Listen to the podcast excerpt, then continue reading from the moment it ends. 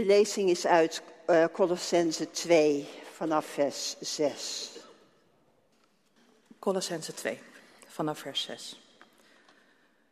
Leef in eenheid met Christus Jezus, nu u Hem als uw Heer aanvaard hebt. Blijf in Hem geworteld en gegrondvest. Houd vast aan het geloof dat u geleerd is en wees vervuld van dankbaarheid. Wees op uw hoede en laat u niet meeslepen door holle en misleidende theorieën die op menselijke tradities zijn gebaseerd en zich richten op de machten van de wereld en niet op Christus. Want in Hem is heel de goddelijke volheid lichamelijk aanwezig. En in uw eenheid met Hem, het hoofd van alle machten en krachten, bent u van die volheid vervuld.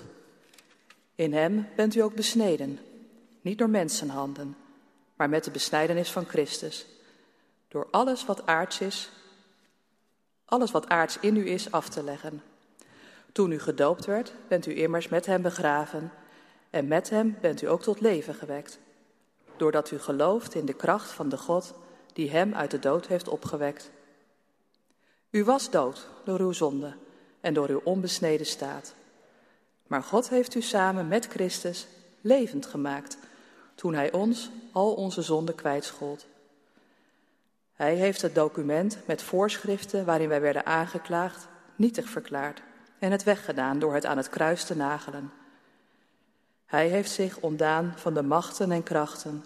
Hij heeft hen openlijk te schande gemaakt en in Christus over hen getriomfeerd. Dit is het woord van God.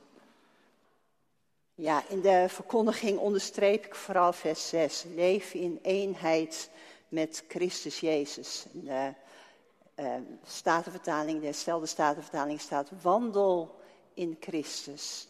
Dat vind ik eigenlijk ook, zo staat het er ook, wandel in Christus. Uh, daar gaat het over vandaag. Broeders en zusters, de Amerikaanse schrijfster Toni Morrison, die schreef in 1979 een heel aangrijpend boek, ook wel een beklemmend boek, The Bluest Eye, het blauwste oog. Het boek gaat over een jong, donker getint, een Afro-Amerikaans meisje. Het speelt zich af zo 1940. Het meisje heet Pecola Breedlove. Cola is kwetsbaar, een beetje verlegen, een jaar of elf. En ze wordt uit huis geplaatst vanwege een gewelddadige vader. Cola bidt om blauwe ogen. Ze groeit op in een wereld waarin ze hoort dat ze, zoals zij het niet ver zal schoppen, dat ze een beetje lomp is en lelijk. En nou ja, dat pikt ze ook heel sterk op. En als het dan niet de mensen zijn die, die dat zeggen, dat, dan zegt die stem in haarzelf dat wel. En ze pikt het op uit de ideaalbeelden om haar heen. De reclames, snoeppapiertjes met mooie blanke mensen. Ze heeft een beker met uh, een afbeelding van Shirley Temple.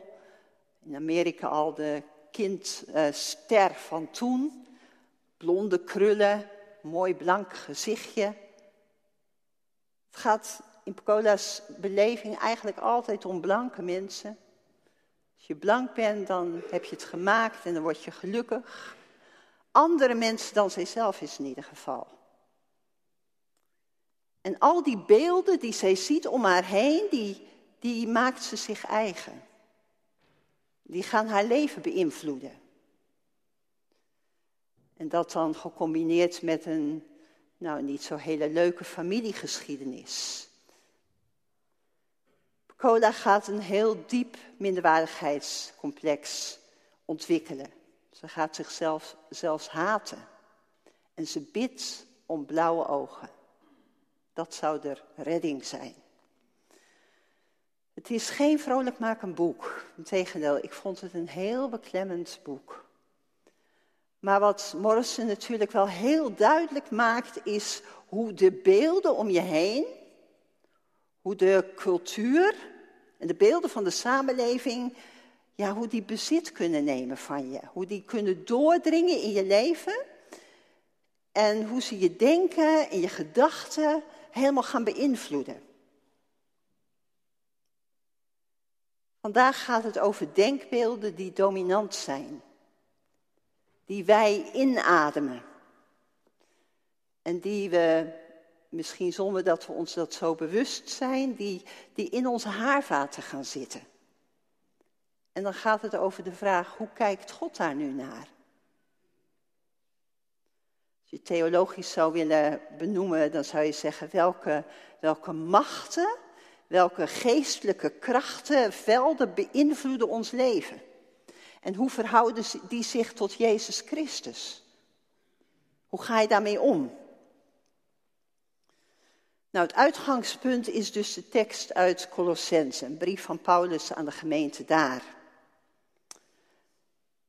Colossense was een kleine gemeente gesticht. Ja, je moet denk een soort huisgemeente je voorstellen. Paulus had die niet zelf gesticht, maar zijn medewerker Epaphras. Paulus was nog nooit in Colosse geweest. Maar hij hoort over die gemeente hele goede dingen.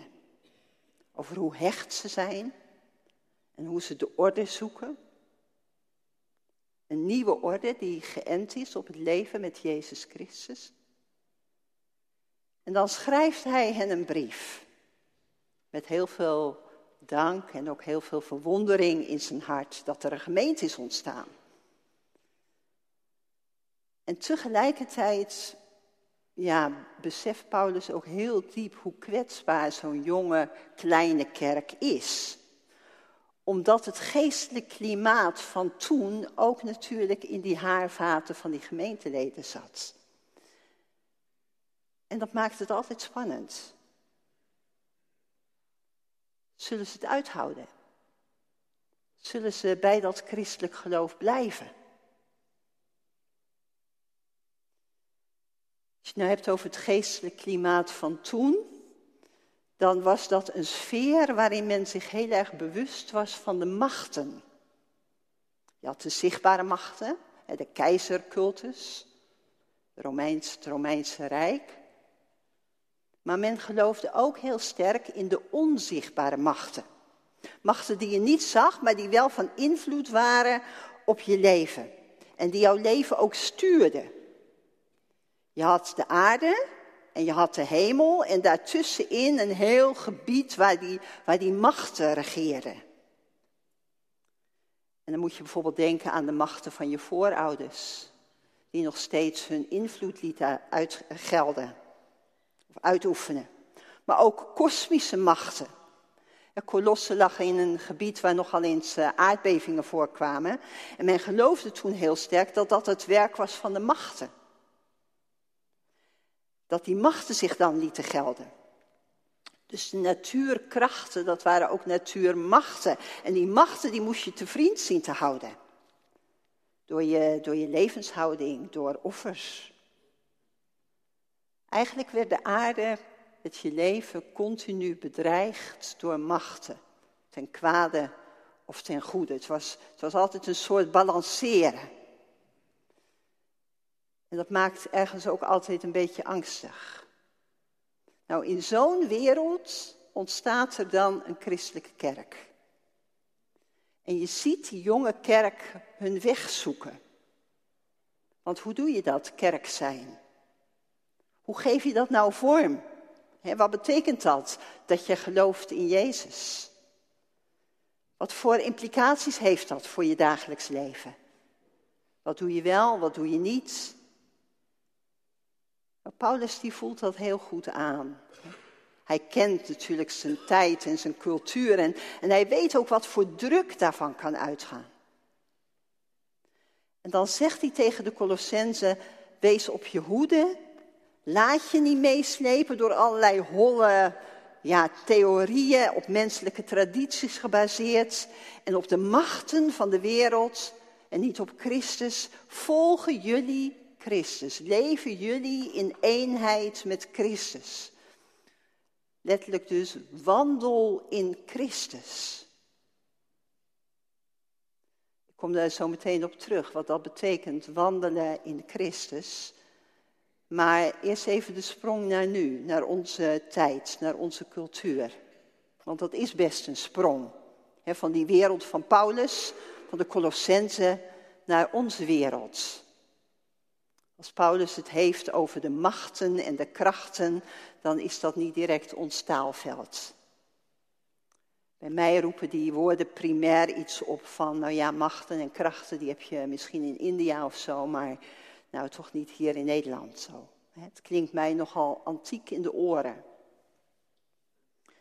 Maar als Paulus het dus heeft over machten, dan bedoelt hij die invloedssferen die, ja, die in je leven ingrijpen, inwerken. En dan is het natuurlijk heel naïef om te denken dat dat, dat dus voor ons eh, niet zo zou, zou gelden. Er zijn ook in onze wereld, in ons leven, allerlei machten en krachten, onbewuste beïnvloedingen, verwachtingen die wij met ons meedragen. Zoals Pecola voor haar tijd de dominante beelden waren van mooi zijn en blank zijn en blauwe ogen. En zoals zij dat ook internaliseerde, zo hebben wij allemaal heel veel dingen geïnternaliseerd. In welke invloedssfeer bevinden wij ons? Wat is het geestelijk krachtenveld waarin wij staan? Wat zijn de dominante ideeën in onze wereld? Nou, ik noem een aantal dingen en veel ligt ook wel voor de hand. Maar ja, ik noem even hè, de invloed van de media. De macht van het geld. De gedachte van groei en vooruitgang en productie. De focus op gezondheid, op schoonheid, mooi uiterlijk, op techniek. Er is in onze tijd heel veel dat een greep naar de macht doet. En in hoeverre jou dat te pakken krijgt, dat zal ook wel weer wat afhangen van je karakter, denk ik. Je aanleg en je interesse. Maar er is wel heel veel dat ons beïnvloedt. Een voorbeeld uit mijn eigen leven, mijn eigen wereld. Ik zei, ik, ben, uh, ik zei het al, ik ben verpleeghuisdominee. En de wereld waarin ik mij dagelijks begeef, dat is een wereld waarin mensen worden geconfronteerd met verlies. Op allerlei gebied. Gezondheid, verlies van huis, verlies vaak van partner of kinderen soms. En die dominante beelden van onze samenleving, van vooruitgang, van productie, van autonomie, van snelheid, van vrijheid, van effectiviteit. Ja, je, snapt wel, hè, al die beelden die stuiten in de wereld van het verpleeghuis op een muur. Want mensen gaan niet meer vooruit. En autonomie wordt continu begrensd door afhankelijkheid. En hoe graag mensen ook zouden willen geloven in maakbaarheid. Ja, het zit er in hun leven gewoon niet meer in. En het ideaal van vrijheid is in een verpleeghuis ook nog wel een ding. En al die mensen die daar wonen hebben een verhaal. Hebben een levensverhaal. Hebben een geschiedenis. Hebben verlangens. Maar ze hebben ook allemaal tv. En ze zien de programma's op tv. En de reclames waar het leven van afspat. En dat alles werkt op die mensen in. Dan kan ik bij mensen komen die tegen me zeggen: Ach, eigenlijk hoeft het leven voor mij niet meer. Wat heeft dit nog voor zin? Ik kan eigenlijk niks meer. Ik kan niks meer. Ik beteken niks meer. En soms zeggen mensen tegen me, ik voel me een last. Ik voel me een last voor mijn kinderen, een last voor de zorg. Eigenlijk kost ik alleen nog maar. Is dat, hè? Dat je zo naar jezelf kijkt, zo over jezelf praat. Dat die dominante beelden van onze samenleving zich zo in ons zijn gaan vertalen in de beleving van een ziek mens. Dat niet meer de vraag wie ik ben, wie ik ben in relatie tot de ander, in relatie tot mijn kind, in relatie tot de zorgmedewerker, dat dat niet meer in de eerste instantie zo gevoeld wordt, maar vooral wat ik, wat ik niet meer kan. Voel je het aan? Herken je het? Wat zijn in je eigen leven nu de dingen die als het ware je in de tang kunnen nemen? Die als een soort invloed, de invloeden die als een soort deken over je leven liggen. Voel je de druk soms zelf ook? De druk van die machten. En nu ben je vanmorgen hier in de kerk. En in de kerk horen we Paulus zeggen: Laat je niet in de tang nemen door de machten van de wereld. Jouw leven is onder een andere macht gesteld. Jij staat onder de macht van Christus, die je wegtrekt uit die dingen die jij denkt te moeten of ja, nou, al die dingen die, die van je gevraagd worden. En dan horen we Paulus zeggen, zoals u dan Christus Jezus de Heer hebt aangenomen, wandel in Hem. En iets verderop zegt hij, u bent immers begraven met Hem in de doop, waarin u ook met Hem bent opgewekt. Als mensen gedoopt werden, dan kregen ze witte kleren aan. Ik heb me laten vertellen dat ze soms wel een week lang in die witte kleren rondliepen. Dat witte doopkleed als symbool van de bevrijdende, de reinigende, de vergevende liefde van Christus. Daarin werd je omhuld.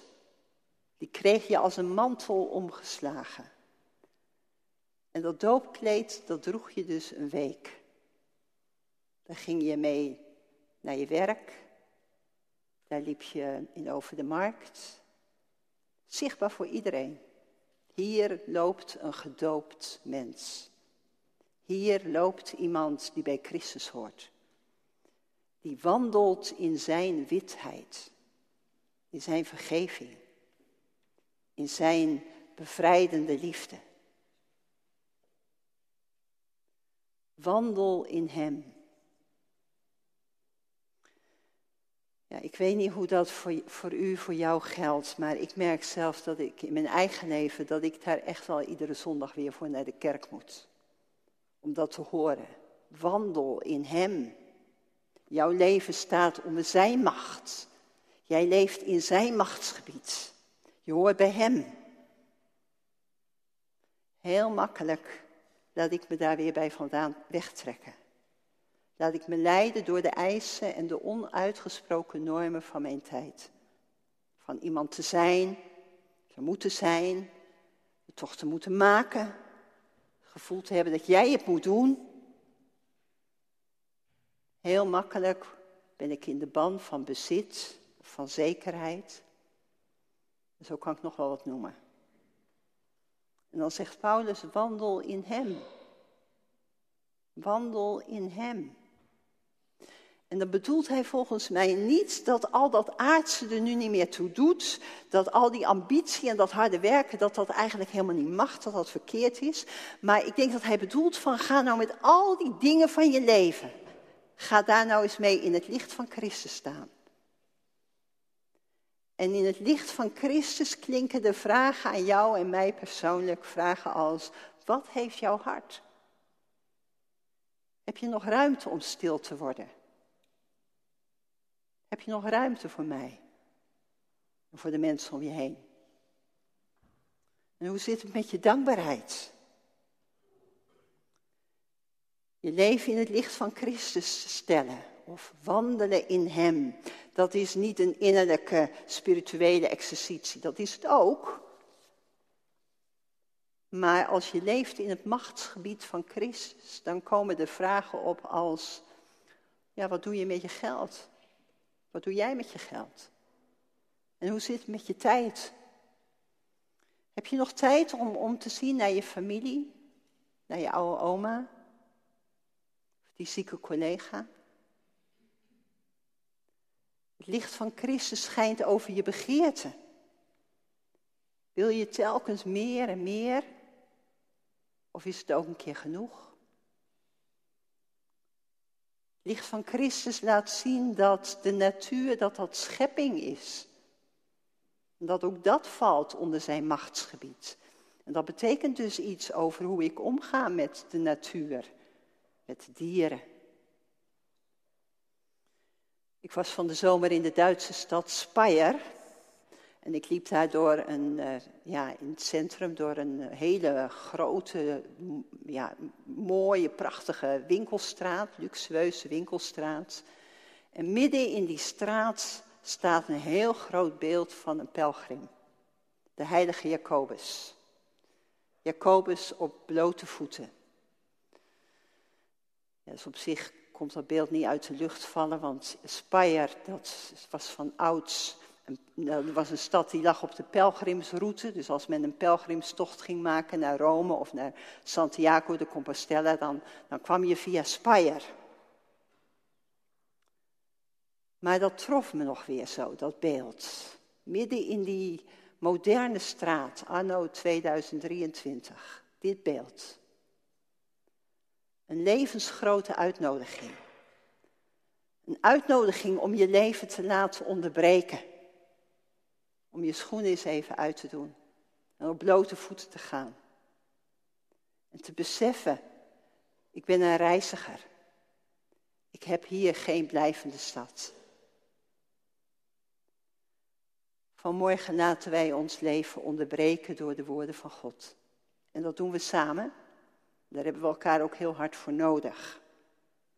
In dat verzet, hè, om niet om die machten van tijd en cultuur te komen. Daarin hebben we elkaar, daarin hebben we de kerk ook nodig. Plaats waar we stil worden, waar we bidden. Plaats waar ons ja, telkens weer de genadegaven worden gegeven, waar ons de mantel wordt omgeslagen. De witte mantel van zijn liefde en zijn vergeving. De witte mantel van zijn macht. En als ik dat besef, dat ik daarin mag wandelen, ja, dan groeit in mij de verwondering, de dank en de aanbidding. Lof zij u, Christus, in eeuwigheid. Amen.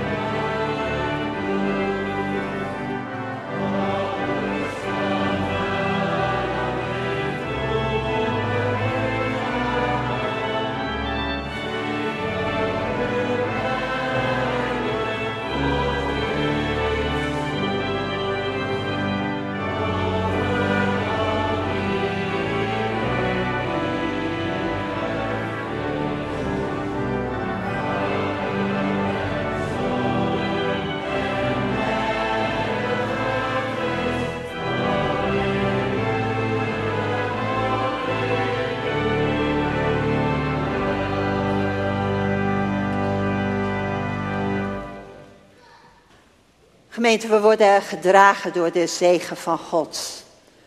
De genade van onze Heer Jezus Christus, de liefde van God en de gemeenschap van de Heilige Geest zijn met u allen.